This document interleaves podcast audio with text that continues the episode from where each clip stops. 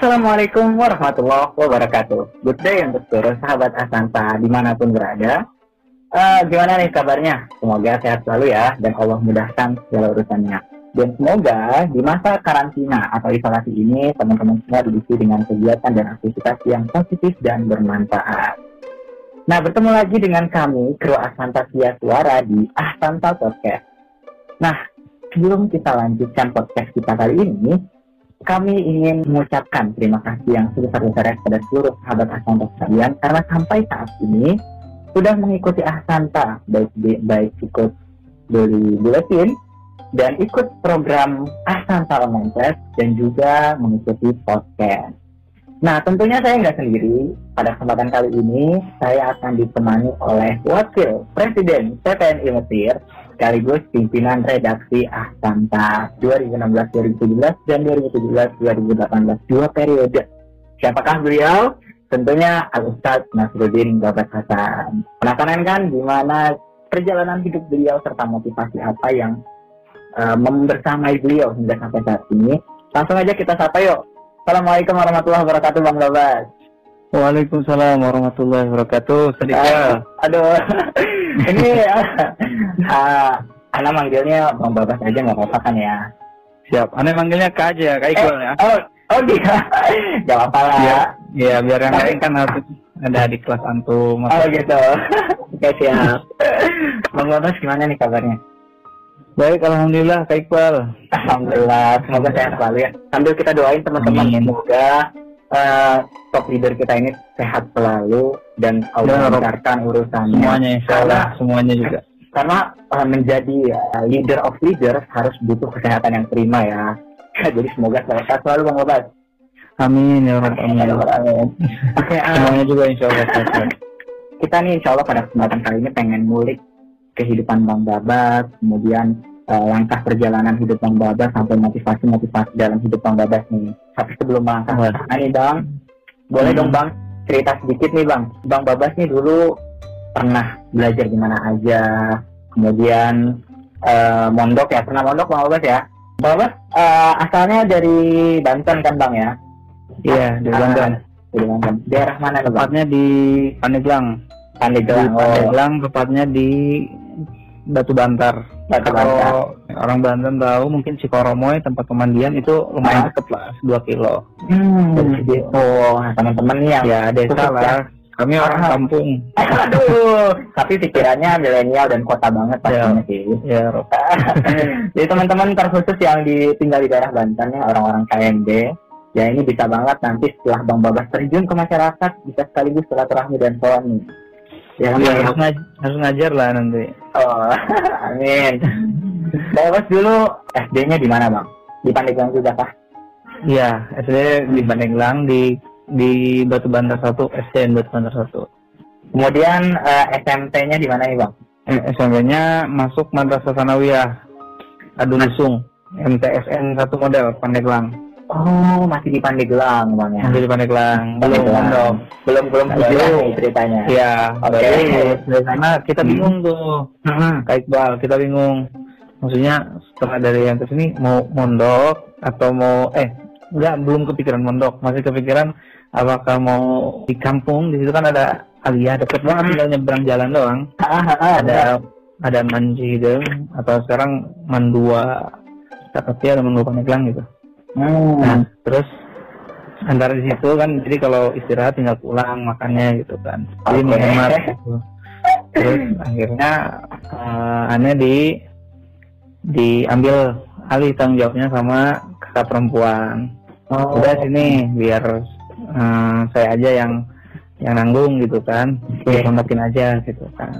Akhirnya hmm. dipondokin kenalan dari uh, temen suaminya teman semuanya punya pondok hmm. akhirnya anda dimasukin ke situ pondoknya di Rangkas itu itu hmm. nama pondoknya Darun Naim oh di Darun Naim bang ya Darun Naim kalau kawan-kawan atau sahabat Prasanta pernah ke Baduy mungkin oh, juga oh gitu berarti masih di daerah Banten bang ya daerah Banten itu masih di daerah Banten Darun Naim wah banyak nih pasti teman-teman alumni Darun Naim yang bakalan termotivasi nih karena ada alumninya yang bisa terbuka sekarang. Waduh.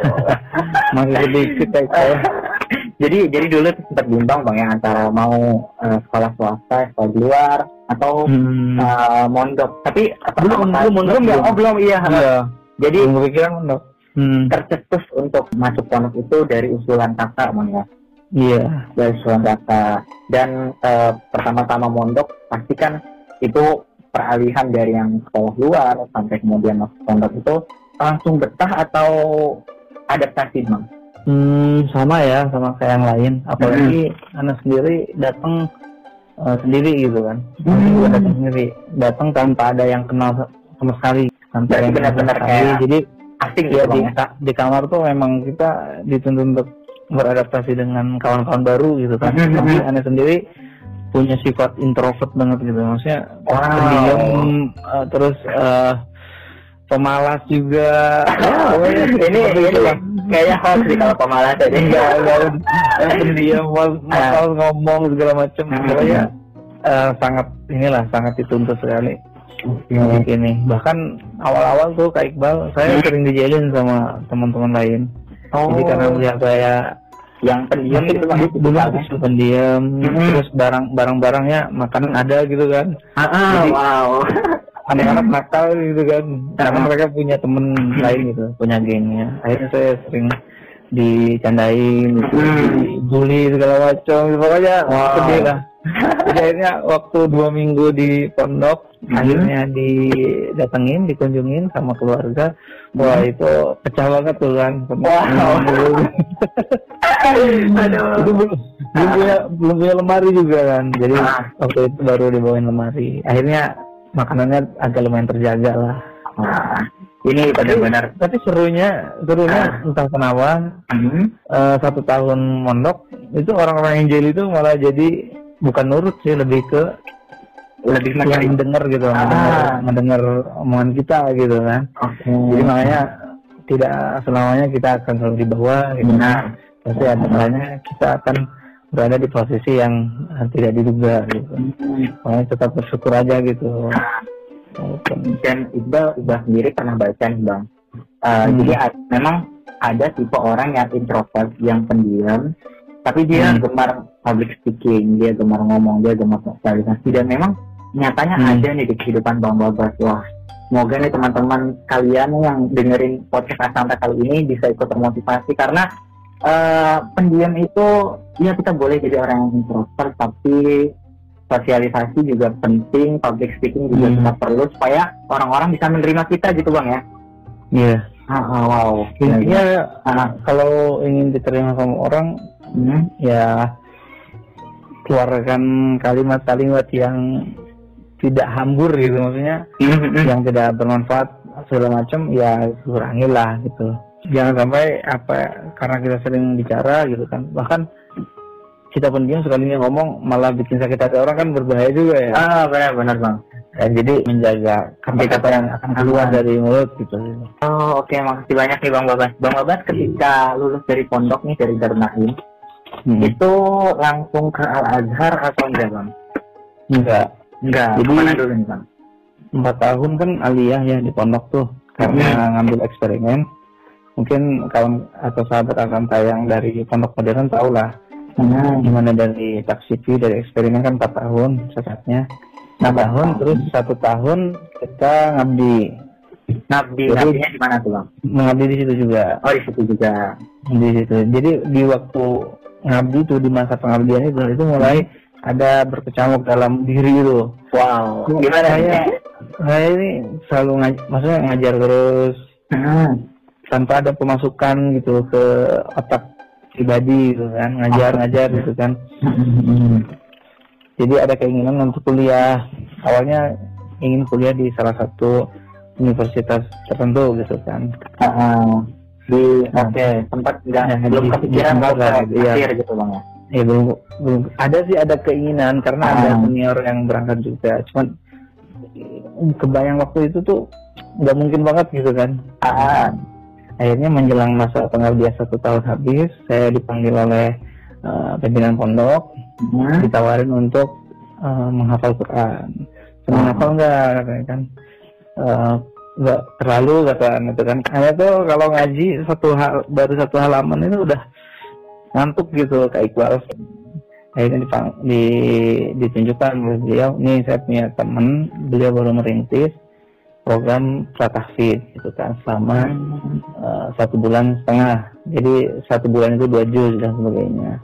Nanti setelah satu tahun setengah ngapal hmm. enam bulannya lagi genap dua tahun itu mengikuti pasca tahfid untuk belajar ilmu-ilmu Al-Quran dan sebagainya dan itu gratis wah, wah. itu dengar kayak gitu langsung asal set gitu kan pondoknya di Tangerang Selatan di pondok apa sih bang kalau boleh tahu? Pondok Baitul Quran. Baitul Quran. Di bawah Yayasan Pusat Studi Al-Quran punyanya Bapak Quraisy. Bapak ya. Hmm. Berarti di sana selama satu tahun bang? Dua tahun. Satu selama tahun, dua tahun.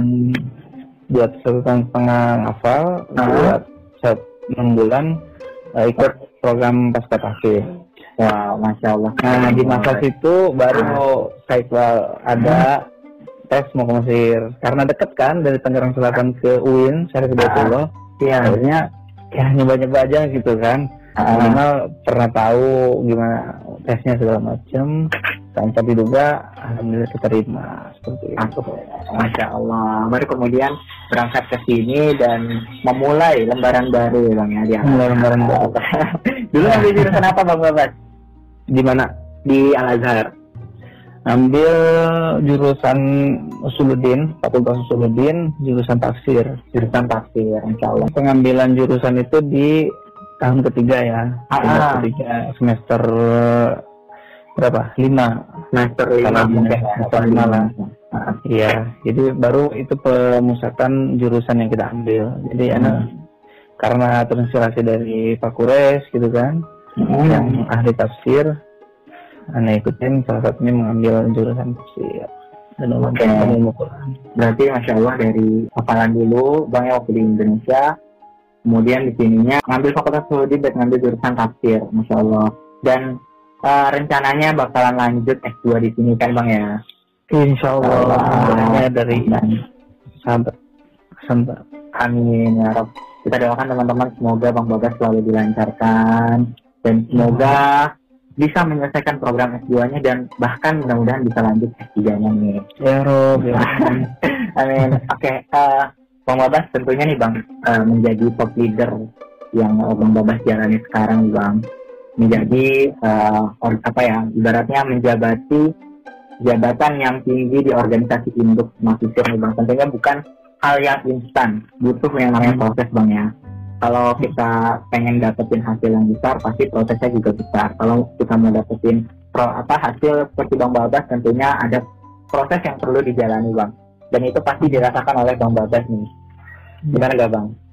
Uh, karena sampai sekarang masih jadi tanda tanya besar gitu. Kenapa anak bisa jadi di posisi sekarang gitu kan? Oh, wow. masih, masih bingung gitu. Ya ya dengan latar belakangannya yang seperti ini gitu kan. Tadi tuh introvert terus ya orang yang pemalas dan sebagainya gitu kan. Kok bisa di posisi sekarang gitu kan? Jadi itu semua tidak lepas dari kepercayaan dari orang sekitar ya. Hmm. kepercayaan dari teman-teman kepercayaan dari senior dan sebagainya hmm. yang menaruh harapan kepada kita hmm. jadi dari dulu itu aneh setiap dikasih amanah misalkan ya itu selalu anak usahakan untuk uh, memberikan yang terbaik gitu. Hmm, jadi all out baik ya. All out ya, disebut all out banget sih enggak ya, tapi intinya tapi ya dijalankan seperti itu gitu. Ah, ah. Iya. Jangan abai kalau misalkan kita udah diberikan amanah gitu bang ya. Mm. Allah. Dan uh, Bang Babas nih kan ini banyak nih bang. Ya maksudnya uh, mungkin bukan hanya di Mesir aja mungkin di Indonesia juga sama. Banyak sekali uh, kategori-kategori mahasiswa ya yang mungkin sudah terkenal juga. Ada yang memang fokus pengen di akademis aja nih. Ada yang juga hmm. mereka pengen balance antara akademis dan organisasi. Dan di Mesir sendiri ada memang orang yang uh, talakers gitu bang. Talakers sejati. Nah hmm. uh, kira-kira apa sih yang memotivasi bang Babas nih untuk kemudian belajar jalan kuliah lancar tapi organisasi juga dapat gitu bang Kira-kira motivasi terbesar Bang Babas ikut organisasi ini apa nih Bang? Uh, karena kita ingin mengambil ilmu apa ya cocok disebutnya ilmu sosial kali ya. Ya. Karena ada hal-hal yang mungkin tidak bisa kita dapatkan di bangku kuliah, di bangku mm laki misalkan. Mm Jadi hanya bisa didapatkan di kursi eh, organisasi gitu misalnya.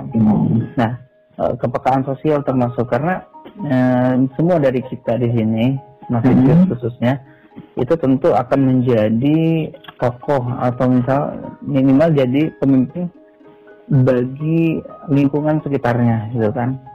Oh. Nah, di, di, di sana lah akan ada tuntutan kita untuk mengabdi. Nah di sini anak ingin uh, melatih diri anak ini untuk gimana sih mengabdi di masyarakat gitu yang lebih luas. Ditambah tentu anak pribadi ingin menjalin atau membuat relasi yang banyak gitu. Oh. enggak sekarang kan dari Sabang sampai Merauke ya ada lah gitu yang kenal gitu kan. Bang Baban juga kan sebelum menjadi ini bang ya jadi wakil presiden seperti sekarang pernah menjabati uh, jabatan pimpinan redaksi Asanta nih bang selama dua iya. periode yeah. gitu bang ya. Mm-hmm. Nah uh, apa aja sih bang yang bang Babas dapat nih dari Asanta uh, kemudian bisa memotivasi kita nih untuk bisa terjun di dunia literasi nih bang? Hmm, banyak ya sebetulnya dari apa yang dari, hmm, dapatkan dari Asanta. Jadi kalau disebut hutang budi ya. banyak lah hutang budi aneh ke KMB ke Asanta gitu kan. Karena apa yang anak bisa saat ini itu salah satunya bukan salah satunya mungkin satu-satunya didapatkan ketika anak aktif di Asanta atau di KMB gitu kan. Baik itu dari dunia kesetariatan dunia kepenulisan karena uh, ketika jadi pimpin itu ya tentu kita akan dihadapkan dengan para penulis yang mendapatkan kesibukan yang mendadak gitu kan. Akhirnya tulisannya tidak jadi. Di sanalah kita dituntut untuk membackup tulisannya gitu kan. Oh. dan lain sebagainya gitu. Jadi memang yang anda rasa banyak sekali lah. Bahkan ketika sekarang jadi di posisi bukan di Asanta itu uh, nalar kepenulisan anak masih lumayan kepakai lah gitu. Hmm. lumayan lagi sih bermanfaat lah berguna banget gitu. Makanya sahabat Asanta uh, manfaatkan gitu momentum ketika kawan-kawan ini diminta untuk menulis misalkan atau diminta untuk jadi uh, kru Asanta misalnya ah, di sana manfaatkan sebaik mungkin gitu. Karena pokoknya dunia penulisan ini sangat apa ya sangat penting lah bagi bagi kita yang nanti uh, akan terjun ke masyarakat gitu kan. Kan dakwah tidak hanya cuma melalui lisan gitu kan. Betul betul melalui tulisan. Apalagi anak sendiri uh, jujur kalau secara uh, verbal secara oral verbal gitu ya berbicara itu anak anggap kurang gitu. Makanya mungkin salah satunya mungkin bisa ditutupi atau di ditambahkan disempurnakan oleh tulisan gitu. Oh, Jadi memang uh, menulisnya emang penting juga bang untuk hidup kita penting banget penting ya. banget hmm. dan uh, tadi juga tadi kita bahas organisasi ternyata memang organisasi ini uh, butuh banget untuk kita terapkan di ilmu-ilmu yang kita dapat ilmu kehidupan yang kita dapat di organisasi memang penting banget untuk hidup kita yang nggak bisa kita dapat di dunia uh, akademis aja bang ya di bangku perkuliahan hmm. aja gitu bang ya hmm. Masya Allah ah keren banget kayaknya nggak berhenti nih saya takut sama Bang Babas ini sudah melewati ini ya nih durasi. Enggak, enggak, enggak, insya Allah. Bang Babas, uh, boleh dong ya kasih kita selaku generasi muda nih, selaku yang insya Allah akan membawa perubahan di masa mendatang. Apa sih Bang pesan-pesan Bang Babas untuk kita semua? Hmm, pesannya ya, nah, mungkin ini untuk pribadi aneh sendiri ya, tidak ingin menggurui sahabat Asanta semuanya. Tapi semoga cocok juga gitu kan. Intinya uh, kita selaku generasi muda ya, tentu menjadi harapan baik itu di keluarga di masyarakat bahkan negara atau agama gitu kan untuk membawa perubahan yang lebih baik lagi. Oleh karena itu apa yang sedang kita lakukan saat ini itu akan menentukan apa yang akan terjadi 5 atau 10 tahun mendatang gitu kan. Oleh karena itu manfaatkan waktu sebaik mungkin saat ini gitu kan. Manfaatkan sebaik mungkin saat ini uh, dalami apa yang menjadi hobi kawan-kawan semua. Tetapi da, di, harus dibedakan ya maksudnya hobi di sini hobi yang bermanfaat gitu. Misalkan kawan-kawan senang uh, mendalami dunia fotografis atau video videografer gitu kan. Maka hmm. dalami tapi niatkan untuk membantu negara misalkan atau membantu uh, agama dari sanalah nanti akan dibukakan uh, kalau pintu rezeki insya Allah lah itu uh, berjalan otomatis lah insya Allah Allah akan siapkan rezeki dari setiap masing-masing kita gitu kan. Intinya niatkan untuk uh, mengabdi, untuk bermanfaat sama orang. Khairun anfa'um linnas kan itu menjadi uh, slogan yang mungkin sudah kita ketahui bersama, cuman untuk praktisnya jarang kita manfaatkan. Kita hmm. lebih atau aneh lebih lebih apa namanya? lebih egois kadang kan kita untuk menjalani hidup. Padahal ada orang-orang yang uh, menaruh harapan besar kepada kita. Oleh karena itu tadi itu manfaatkan waktu sebaik mungkin, dalami apa yang menjadi uh, hobi atau passion masing-masing gitu, agar nanti bisa bermanfaat untuk halayak yang lebih banyak. Seperti itu untuk Iqbal. Intinya terus belajar lah, belajar tidak, ya. tidak kuliah, hmm. tidak uh, tidak apa namanya, tidak belajar dan sebagainya, eh tidak tidak apa ya tidak melakukan hal-hal yang tertentu lah intinya terus belajar apa pun itu mau mendalami dunia persilatan mungkin kan hmm. harus belajar dan sebagainya Masya Allah. Berarti uh, punchline poin yang tadi sudah dapat banget di bang yang menak banget lah ibaratnya. Uh, eh, yeah. Apa yang apa yang kita lakukan uh, hari ini yang menentukan kita di masa depan kayak gitu bang. Nah, betul. ini pesan untuk sahabat asal sekalian jangan pernah berhenti untuk berkarya, jangan pernah berputus asa, lakukanlah yang terbaik dan uh, teruslah untuk bermanfaat untuk orang lain karena apa yang kita lakukan hari ini menjadi penentu kita di masa mendatang. Gitu Bang Bobas ya. Betul banget kayak uh, boleh dong Bang ya, satu kata nih, dua kata deh untuk Asanta. Apa nih Bang kira-kira? Harapannya mm -hmm. Asanta terus berkarya. Terus saja ya siap terus karya karya baik itu karya dari buletinnya karya dari podcast seperti ini karya dari kelas-kelas online dan sebagainya itu kan jadi karya yang bisa banyak dimanfaatkan atau bisa diambil manfaatnya oleh orang gitu. Amin ya Rob. Oke, okay. uh, teman sahabat Asanta sekalian, kita ucapkan terima kasih untuk Bang Baba dan uh, terima kasih untuk sahabat Asanta sekalian yang telah mendengarkan podcast kita kali ini dan sampai jumpa di podcast Asanta selanjutnya. Wassalamualaikum warahmatullahi wabarakatuh. Waalaikumsalam warahmatullahi wabarakatuh.